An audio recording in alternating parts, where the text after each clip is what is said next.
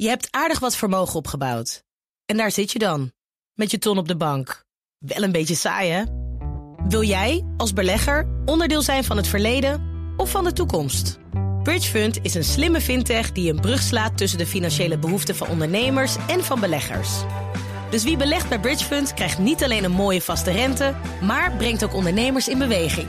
Echt waar, met die ton kan je zoveel betere dingen doen. Bridgefund. Make money smile. Volgend jaar en ook het jaar daarna. En met de nieuwe Green Deal zet de EU weer een stap vooruit in de energietransitie. Is het een uh, reuze stap of toch een mini-mini stapje? Dat er meer bespreek ik in het economenpanel met Edin Mujagic, hoofdeconoom van OHV Vermogensbeheer.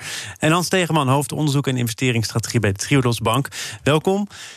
Ik uh, noemde net de Nederlandse Bank en het IMF. De Nederlandse Bank, moeten we er maar meteen bij zeggen, kwam op maandag met uh, de ramingen. En maandag was ook de dag dat uh, premier Rutte ons toesprak vanuit het torentje. Ik heb zelf die dag gesproken met Olaf Slijpen, directeur monetaire zaken van de Nederlandse Bank. Die was wel zo reëel om te zeggen: we hebben iets op papier gezet. Het is er. Er zijn drie scenario's. Maar wat er vanuit komt, dat weten we niet.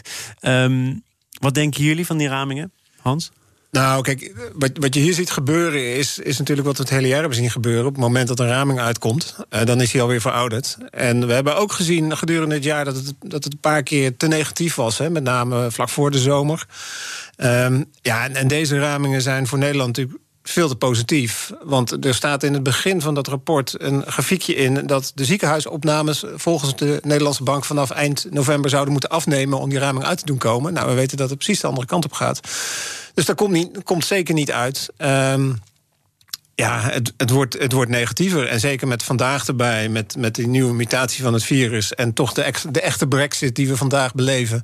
ja, maakt de wereld toch echt wel totaal anders. Ja, want uh, DNB ging in het basisscenario uit van een krimp... die uh, uit zou komen rond de 4% en een groei volgend jaar en het jaar daarna van 3 ja.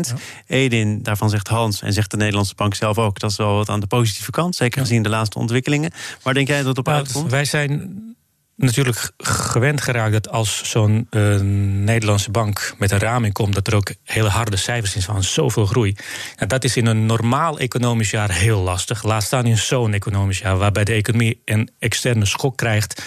Waarbij we heel lang en nog steeds voor een groot deel niet weten hoe pakt dat uit op de economie, op korte termijn, lange termijn. Um, wat voor mij het belangrijkste is, als ik naar volgend jaar kijk, en laten we dat in hemelsnaam doen, want dit jaar kan, wat mij betreft, zo snel mogelijk achter ons liggen.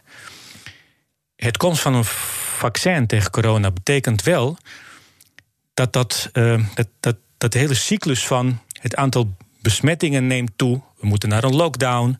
Door die lockdown neemt het aantal weer af. Versoepelingen, mensen zien elkaar weer. Gaat het aantal, bestemmen, uh, uh, uh, aantal nieuwe gevallen weer stijgen.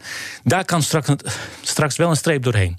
Oh ja? Nou ja, omdat Hans ja. misschien ook terecht iets zegt over mutaties en onzekerheid die misschien toch blijft staan. Die, kijk, het, het feit dat daar een, dus een streep doorheen kan, wil niet zeggen dat de onzekerheid weg is. Maar wat ik afgelopen dagen van die nieuwe mutatie van het virus heb meegekregen, is dat mensen die daarvoor doorgeleerd hebben, die zeggen: de kans is wel groot dat het vaccin wat we ontwikkeld hebben ook werkt voor de nieuwe variant. Ja. En dat betekent dat je wel voor het eerst in een lange tijd, denk ik, de hoop mag hebben, de terechte hoop mag hebben dat de economie volgend jaar toch een beetje normaal gedrag kan gaan laten zien. Ja, een ben, beetje normaal met, gedrag is groei. Ik ben het met je eens dat, dat er in ieder geval perspectief is. Hè. Dat, laten we wel zeggen, voor dat de rijke landen niet, die vaccins hebben gekocht, voor de rest ja. van de wereld vergeten wij. Nou, boeit het ons. Um, maar het, uitgangspunt, uh, het uitgangspunt is natuurlijk wel. De uitgangspositie is natuurlijk wel slechter door die, door die mutaties. Want het betekent dat, je, dat het langer gaat duren voordat je groepsimmuniteit hebt. Hè, want je zal veel mensen moeten hebben gevaccineerd voordat de, het aantal besmettingen toeneemt. En dat je ook langer waarschijnlijk nog in lockdown zit. Uh, of, of de cyclus van, uh, net wat je zei. en stoten. Ja, ja, En, en, en met alle fouten die we telkens opnieuw maken in elk land, behalve in een land wat alles, zoals China, waar je heel streng bent en geen privacy meer hebt, want dat is het alternatief. Um, dus wat dat betreft is het volgens mij nog uh, geen goed nieuws. Uh, en dat perspectief is er, maar daar moeten we ook niet. Uh, ja, ik, ik ben heel graag enthousiast over dit soort dingen. Maar we moeten daar wel heel voorzichtig mee zijn. om te zeggen van dat gaat heel snel. Het duurt gewoon een tijd voordat mensen gevaccineerd zijn. En ja. echt voor de zomer zijn we daar. Nee, ik niet. denk dat je ook. Als je, als je volgend jaar zou moeten verdelen, zou ik zeggen, ruwweg. Eerste helft van het jaar, onzekerheid, tegenslagen op het gebied van economie. Maar dat optimisme waar ik het daar net over had, geldt voor mij, in mijn geval, voornamelijk na de zomer. Want dan is het vaccin, als het goed is, uitgerold op grote schaal. En dan mag je richting het eind van volgend jaar toch met meer optimisme naar de feestdagen gaan dan dit jaar. Hans, er zijn ook uh, economen die al wat optimistischer zouden zijn als uh, het kabinet tot de conclusie zou komen. Die lockdown is niet altijd nodig, want niet iedereen heeft te maken met dezelfde risico's aangaande corona. Dat zijn uh, gewaardeerde mede-panelleden, onder andere Bas Jacobs, Barbara Baarsma, Koen Teulings hoort erbij, Robin Vantman hoort erbij. Allemaal economen die zeggen, aangezien er een duidelijk onderscheid gemaakt kan worden tussen COVID-kwetsbaren en de niet-COVID-kwetsbaren, zou je daar ook beleid op moeten maken. Ik begrijp dat jij daar een beetje narrig van wordt. Waarom? Nou ja, Mijn goed, goed, goed voorgesprek geweest. Ja. Nou, ik word er in die zin narrig over, uh, omdat en dat gaat meer over de manier waarop het gebracht wordt. Alsof mensen die dit analyseren daar niet over hebben nagedacht. Als het zo simpel was, hè, want het begon net bij jouw eerste zin was heel goed van als er een onderscheid gemaakt zou kunnen worden. Ja. Het is nog in geen enkel land gelukt om daar een onderscheid mee te maken en op die manier de beleid op te voeren. Dus ik vind het wel van een, van een bepaalde um, nou, hoogmoedigheid getuigen dat je nu zegt van ja, maar dat had moeten gebeuren. Ja, omdat het simpelweg niet zo simpel is. En daar word ik een beetje narrig van, want het leidt alleen maar weer tot extra discussies, tot extra gedoe. Terwijl accepteer nou eens een keer dat dit gewoon vervelend is. dat je unisono uh, alles maar op je af moet laten komen? Nee, ik vind het prima om een discussie erover te hebben, maar begin dan wel met het met, met begrip van de positie van de ander. Zeg van, goh, daar is goed over nagedacht. Nou, maar hebben jullie hier ook aan gedacht? En misschien zou dat een optie kunnen zijn. Nou, prima, dat vind ik een goed begin van de... Maar ik word narrig van de, de tegenstelling die daarmee wordt gewekt. En laten we niet vergeten, er is in ieder geval één land in Europa... dat het min of meer op die manier heeft geprobeerd. Zweden heeft dat gedaan. Nou, als je het laatste cijfers van Zweden... de conclusie die ik als, als econoom daaruit haal is... het is niet goed uitgepakt. Nee. Ja, ik, ik geloof dat uh, het wiel dat je moet pakken als je naar Europa kijkt ook voortdurend wisselt. Hè. Dan moet je de Denen in de gaten houden, dan doen ze de Zweden weer goed. Duitsland inderdaad. Dus dat is gewoon gevaarlijk volgens mij toch om te zeggen... we moeten het op de Zweedse manier doen of de Duitse manier of de Italiaanse manier. En je moet het uiteindelijk toch overlaten aan mensen die hier expertise in hebben. En dat zijn economen heel vaak niet. Nee. Nou, dan, dan in algemenere zin zeggen deze economen maakt in ieder geval duidelijk waarop je beleid baseert. De ene keer is het het aantal besmettingen, dan gaat het over de IC's, dan gaat het over de toeloop op de ziekenhuizen. Um, daar ben ik het mee eens. Hè. Van, uh, transparantie in je besluitvorming en in je afwegingen lijkt me, lijkt essentieel. Um, en het is ook niet zo dat, dat ik vind dat je alles maar klakkeloos moet accepteren. Ik, ik vind ook die sluiten. Ik niks van die, voor jou inderdaad. Nee, die sluiten van de basisscholen. Ik snap hem nog steeds niet. er is al genoeg over geschreven afgelopen week ook. Maar als het echt bedoeld is als enkelband voor, voor ouders. Nou, er zijn wel slimmere enkelbanden met minder economische schade. Dus, ik, ik, dus je mag best wel kritiek hebben. Daar gaat het, en ik ben het ook helemaal eens van maak die, die afweging transparant. Maar accepteer ook dat het een afweging is. En that's it dan. Dan nog even naar eh, de economische component hiervan. Uh, en ook de positie van banken bijvoorbeeld. Ehm, de Nederlandse bank zegt ook in die ramingen... nou, die banken die kunnen wel wat meer hebben. Bovendien het aantal echt slechte leningen, dat valt allemaal reuze mee. Dus wij verwachten in dat opzicht niet zulke grote problemen. Edin, kun je die lijn volgen? Um, voor zover het over ons land gaat, zeer zeker. Ik bedoel, uh, onze banken stonden er relatief goed voor. Uh, onze staatsfinanciën stonden er heel goed voor. Nou, dat helpt in zo'n naar jaar als wat we um, bijna achter de rug hebben. Um, dus ik kan, ik kan heel goed inderdaad meegaan met de conclusie um, van de Nederlandse bank dat onze banken staan er goed voor. Uh, Misschien moet het ergste en, voor, ook voor onze banken nog wel komen. Nou, dat je dat zal ongetwijfeld gebeuren. Want kijk, als je van mening bent dat volgend jaar het jaar van economisch herstel wordt, hoe sterk moeten we nog zien? Maar wel economisch herstel, dan betekent dat per definitie een aantal dingen. En een van die dingen is dat de meest extreme vormen van steun die je hebt gegeven als overheid, die zullen straks afgebouwd moeten worden. En dat betekent dat er een soort camouflage weg komt te vallen. En je zult er dan achter komen dat er bedrijven zijn die het, die het zonder die steun niet kunnen redden. Dat kan leiden tot een golf of een golfje faillissementen. En op de financiële markten kan dat een naar gevolg hebben dat beleggers gaan denken: als dat bedrijf, bedrijf X, in problemen is met doorrollen van de financiering, misschien speelt dat ook bij andere bedrijven, waardoor ook uh, er wat meer wantrouwen komt, ook richting de bedrijven die in de kern gezond zijn. Nou, dat is die onzekerheid die we volgend jaar echt zullen blijven houden. Mede door het economische stel. Daar moet je gewoon rekening mee houden. Ook op de financiële markt. Met name op de financiële markten, zou ik zeggen. Ja, ik, ik zat zelf een beetje te denken aan, aan de parallel met geoengineering. Hè, waar, je, waar je het probeert kunstmatig te laten regenen of de zon laat schijnen. Daar, wordt mee geëxperimenteerd, maar niemand kent de gevolgen. Nou, en ik vind dit eigenlijk wel een soort gelijk experiment, maar dan in de economie. We houden iedereen uh, lekker, uh, lekker leven. Ja. Um, en we zeggen dat het allemaal wel mee gaat vallen. Uh, en dan kijken we eigenlijk naar of de zon nu schijnt. Ja, nou, die, die schijnt. Hè. De faillissementen zijn laag, werkloosheid is eigenlijk, eigenlijk laag. Maar we weten het eigenlijk niet. En als je dan dus, en dat heeft DNB ook gedaan... in een stresstest laat zien wat er gebeurt. Al die stresstesten zijn, zijn gevalideerd op de verbanden in het verleden. Maar wat is nou het, het leuke bij geoengineering? Dat je juist die verbanden uit elkaar aan het trekken bent. Dus om dan al iets zinnigs over te gaan zeggen van wat gaat er volgend jaar gebeuren. Ik weet het niet. En misschien kan het, kan het wel meevallen. Maar ja, het enige wat je kan zien is dat de schulden opbouwen. Dat de onzekerheid opbouwt. En uh, ja, vanaf daar moet je maar hopen dat het goed gaat. Maar je, je moet niet vergeten, alles heeft een prijs. En het feit dat we de economie en heel veel bedrijven gered hebben door de staatsschuld echt behoorlijk te laten oplopen, heeft straks een prijs. Uh, nu nog niet, gelukkig, maar straks wel. En daar moet je rekening mee houden. En inderdaad, ik sluit aan bij, bij Hans. Bij alles is de impliciete aanname de verbanden zoals die in het verleden golden in die complexe economie, die overleven klap die de economie gekregen heeft, hoeft niet per definitie waar te zijn. Maar volgens mij is wel een voorzichtige poging gewaagd om in te schatten hoeveel zombiebedrijven er zijn. ING heeft dat gedaan, 3% geloof ik, misschien 4%, waarvan de Nederlandse bank, ik heb dat rapport eh, ook gelezen, zegt van ja, misschien houden we een economie in stand die niet in alle opzichten is ja. toegerust op wat er zo meteen gevraagd wordt. Maar dat is dan een, een, prijs die we betalen, want het aantal bedrijven dat anders echt geen perspectief nee, zou hebben, dat is toch relatief klein. Alleen op de financiële markten maakt het niet zoveel uit of het 1% zombiebedrijf of 5% is. Zodra een bedrijf waarvan beleggers van tevoren hadden gezegd: Nou, dat bedrijf komt nooit in problemen. Wel in problemen komt met het doorrollen van financiering bijvoorbeeld, gaat dat uitstraling hebben op bedrijven die geen zombiebedrijven hebben. Klinkt als drijfstand. Als er, als er ook maar iets gebeurt, dan kan de onzekerheid. Nou, voor, voor een deel ben ik het helemaal eens met, met, met Eden. Eh, dit, dit gaat over de grote bedrijven, maar wat nu heel hard getroffen wordt extra in deze lockdown is natuurlijk het MKB. Um, ja, die effecten worden alleen maar groter. En dan kan één, he, één event kan een trigger zijn tot veel meer ellende. En, en dat is, ja, zo werken financiële markten nou eenmaal. Ja. Zouden banken. Eh, ik vraag dat hier natuurlijk nu eh, aan jullie hoor. Maar zouden banken eh, strenger moeten zijn daar waar het gaat om kredietverlening? Of zou de kraan nog even open moeten blijven? Nou, een van de dingen die ook leuk staat in de DNB stresstest is dat uh, het, het risicogewicht van gewichten onder, onder een garantie kleiner is. Ja.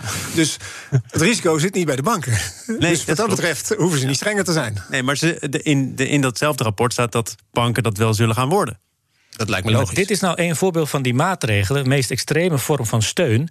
Onze overheid heeft gezegd: wij nemen loonbetaling door, wij staan ook garant voor leningen. Prima. In een economie die krimpt en de krimp behoorlijk is, is dat, ligt dat voor de hand. Maar als volgend jaar die economie gaat herstellen, zijn dat de maatregelen waar je afscheid van moet nemen. En dan wordt het heel lastig om, om te gaan kijken, nou, welk bedrijf uh, moet ik wel een lening geven, welk niet. Dus dit jaar was het jaar van redden. Dat hebben we goed gedaan. Volgend jaar wordt het iets lastiger wat dat betreft.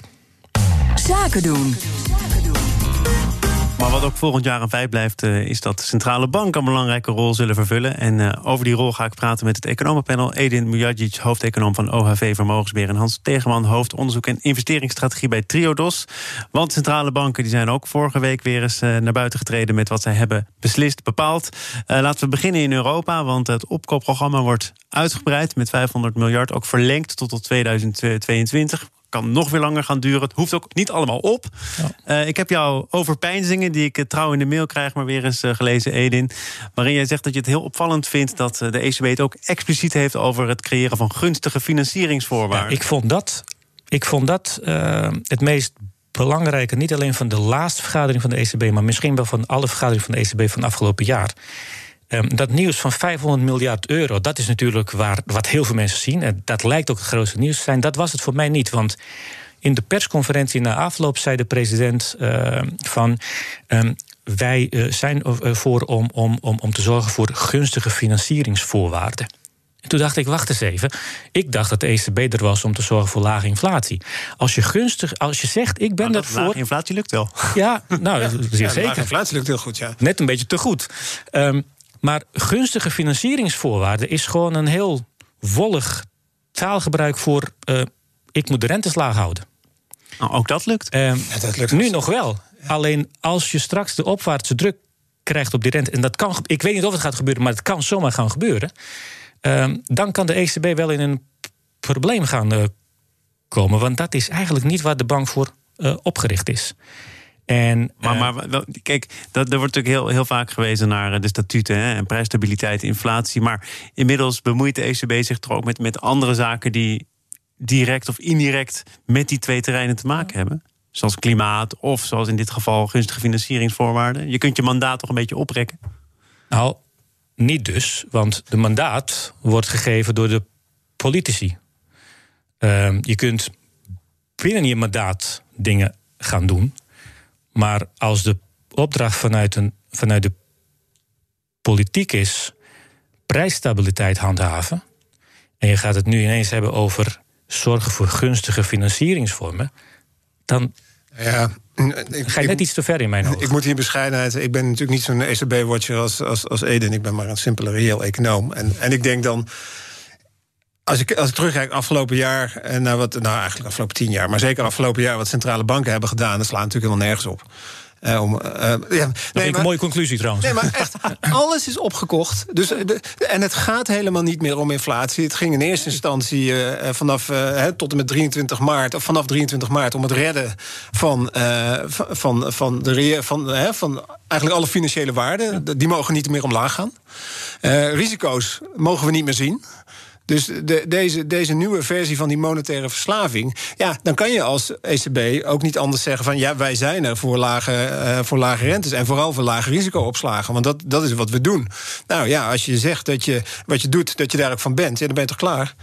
Uh, ja, alleen in een democratie moet dat toch, al is het achteraf, gelegitimeerd worden door mensen die wij gekozen hebben. Ja, maar de ik denk, die politici zijn er lang gekozen. blij. Die politici zijn er lang blij. Ja, maar dat... ECB heeft de, de, kolen weer uit het vuur gehaald. En verder, nou, ze hebben vorige week dan uiteindelijk een, een deal gesloten. En dat kan niet eindeloos lang door blijven nee, helemaal eens. Want vergeet niet, door dat, dat, dat redden van de markten en mederedden van de economie heeft wel tot gevolg gehad dat, dat, dat je tegenwoordig wel heel veel fantasie moet hebben om nog te spreken van vrije marktwerking in Europa. ECB koopt zoveel obligaties op dat er geen sprake is van vrije markt.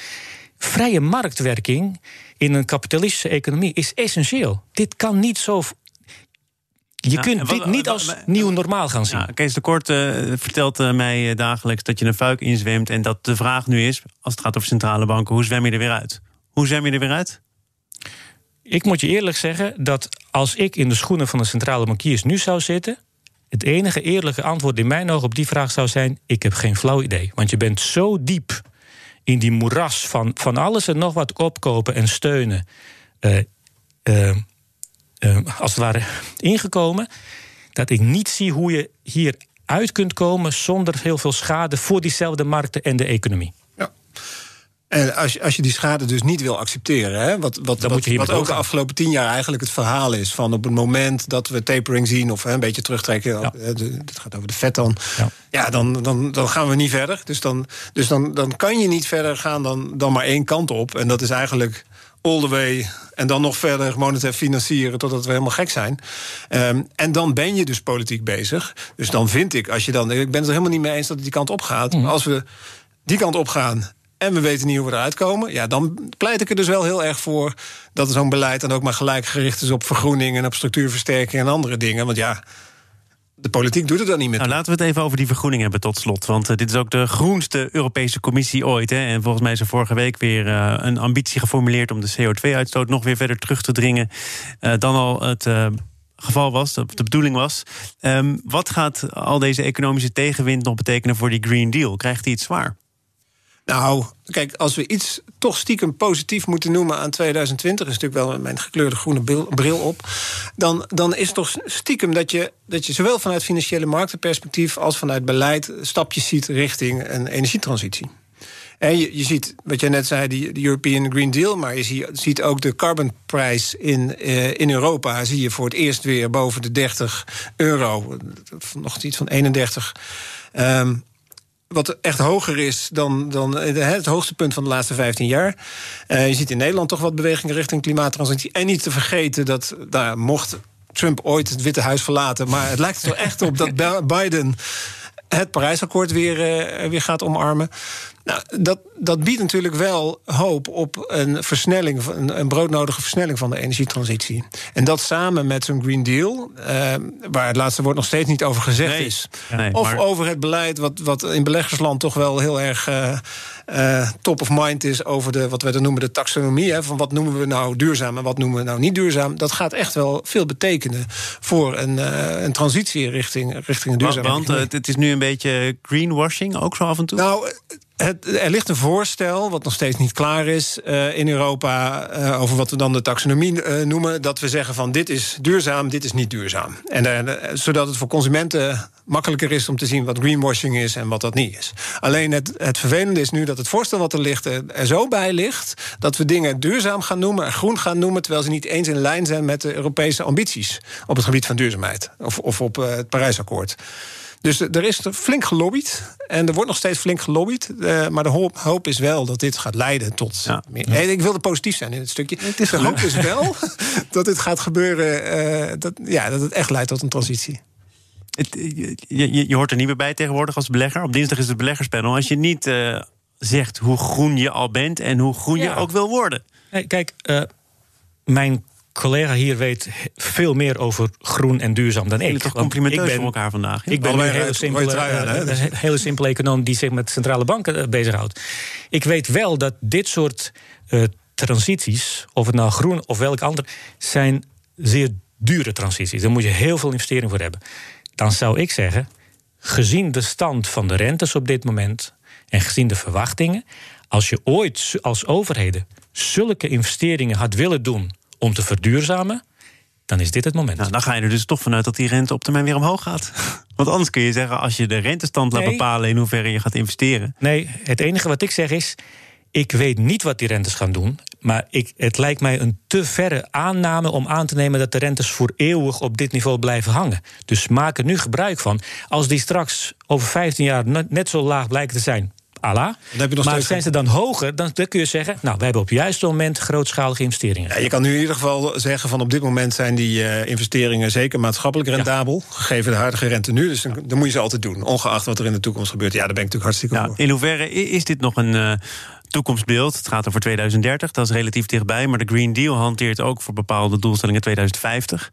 Ja, er zullen ook misschien politici zijn in 2045 die zeggen... oeh, dat is wel heel erg snel. We maken er toch 2060 van. Ja, kijk, uiteindelijk moeten we het, uh, en dat vind ik wel echt een opmerkelijke afgelopen jaar. Wat politici doen, dat is on, onvoors, onvoorspelbaar en soms duurt het allemaal veel te lang. Maar wat financiële markten doen, zeiden we net, is ook soms onvoorspelbaar. Maar we zien daar wel hele duidelijke veranderingen. Wat de kapitaal in andere richtingen gaat sturen. Hè. Dus, dus, Big Oil, die echt wel flink in waarderingen gedraaid, uh, gedaald is, die veel heeft moeten afschrijven. We zien uh, Orsted en, andere renewable energy bedrijven, zien we echt in beurswaarde gigantisch gestegen. Niet, niet te spreken over Tesla. Um, dus we zien daar echt een draai van die hele markt. En dat geeft mij vooral hoop dat zo'n transitie ook sneller kan gaan. En dat je dus niet alleen afhankelijk hoeft te zijn van die, van die beleidsmakers. En, en wat in financiële markten het beste werkt, is praten over risico's. En als iedereen maar gaat denken van, oh, fossiel is een risico, dan gaat het vanzelf de andere kant op. Dank voor jullie uh, bijdrage, voor jullie beide expertises die in dit panel goed over het voetlicht uh, zijn gebracht. Edin Mujadjic, hoofdeconoom van OHV Vermogensbeheer en uh, Hans Stegeman, hoofdonderzoek en investeringsstrategie bij Triodos Bank. Altijd positief, als hij maar zijn best doet. dit was het voor vandaag. Morgen dan is Karin van Gennep te gast. Zij is de kerstverse topvrouw van zorgverzekeraar. Dat gaat morgen ongetwijfeld beter. VGZ, over corona, zorgpremies en marktwerking in de zorg. Doorgeschoten of toch niet? Dat allemaal morgen in BNR Zaken doen. Zometeen eerst de Nieuwsroom, onze dagelijkse podcast van het FD en BNR, gepresenteerd door Mark Beekhuis. Veel plezier, tot morgen. Je hebt aardig wat vermogen opgebouwd. En daar zit je dan, met je ton op de bank. Wel een beetje saai, hè? Wil jij, als belegger, onderdeel zijn van het verleden of van de toekomst? Bridgefund is een slimme fintech die een brug slaat tussen de financiële behoeften van ondernemers en van beleggers. Dus wie belegt bij Bridgefund krijgt niet alleen een mooie vaste rente, maar brengt ook ondernemers in beweging. Echt waar. Met die ton kan je zoveel betere dingen doen. Bridgefund. Make money smile.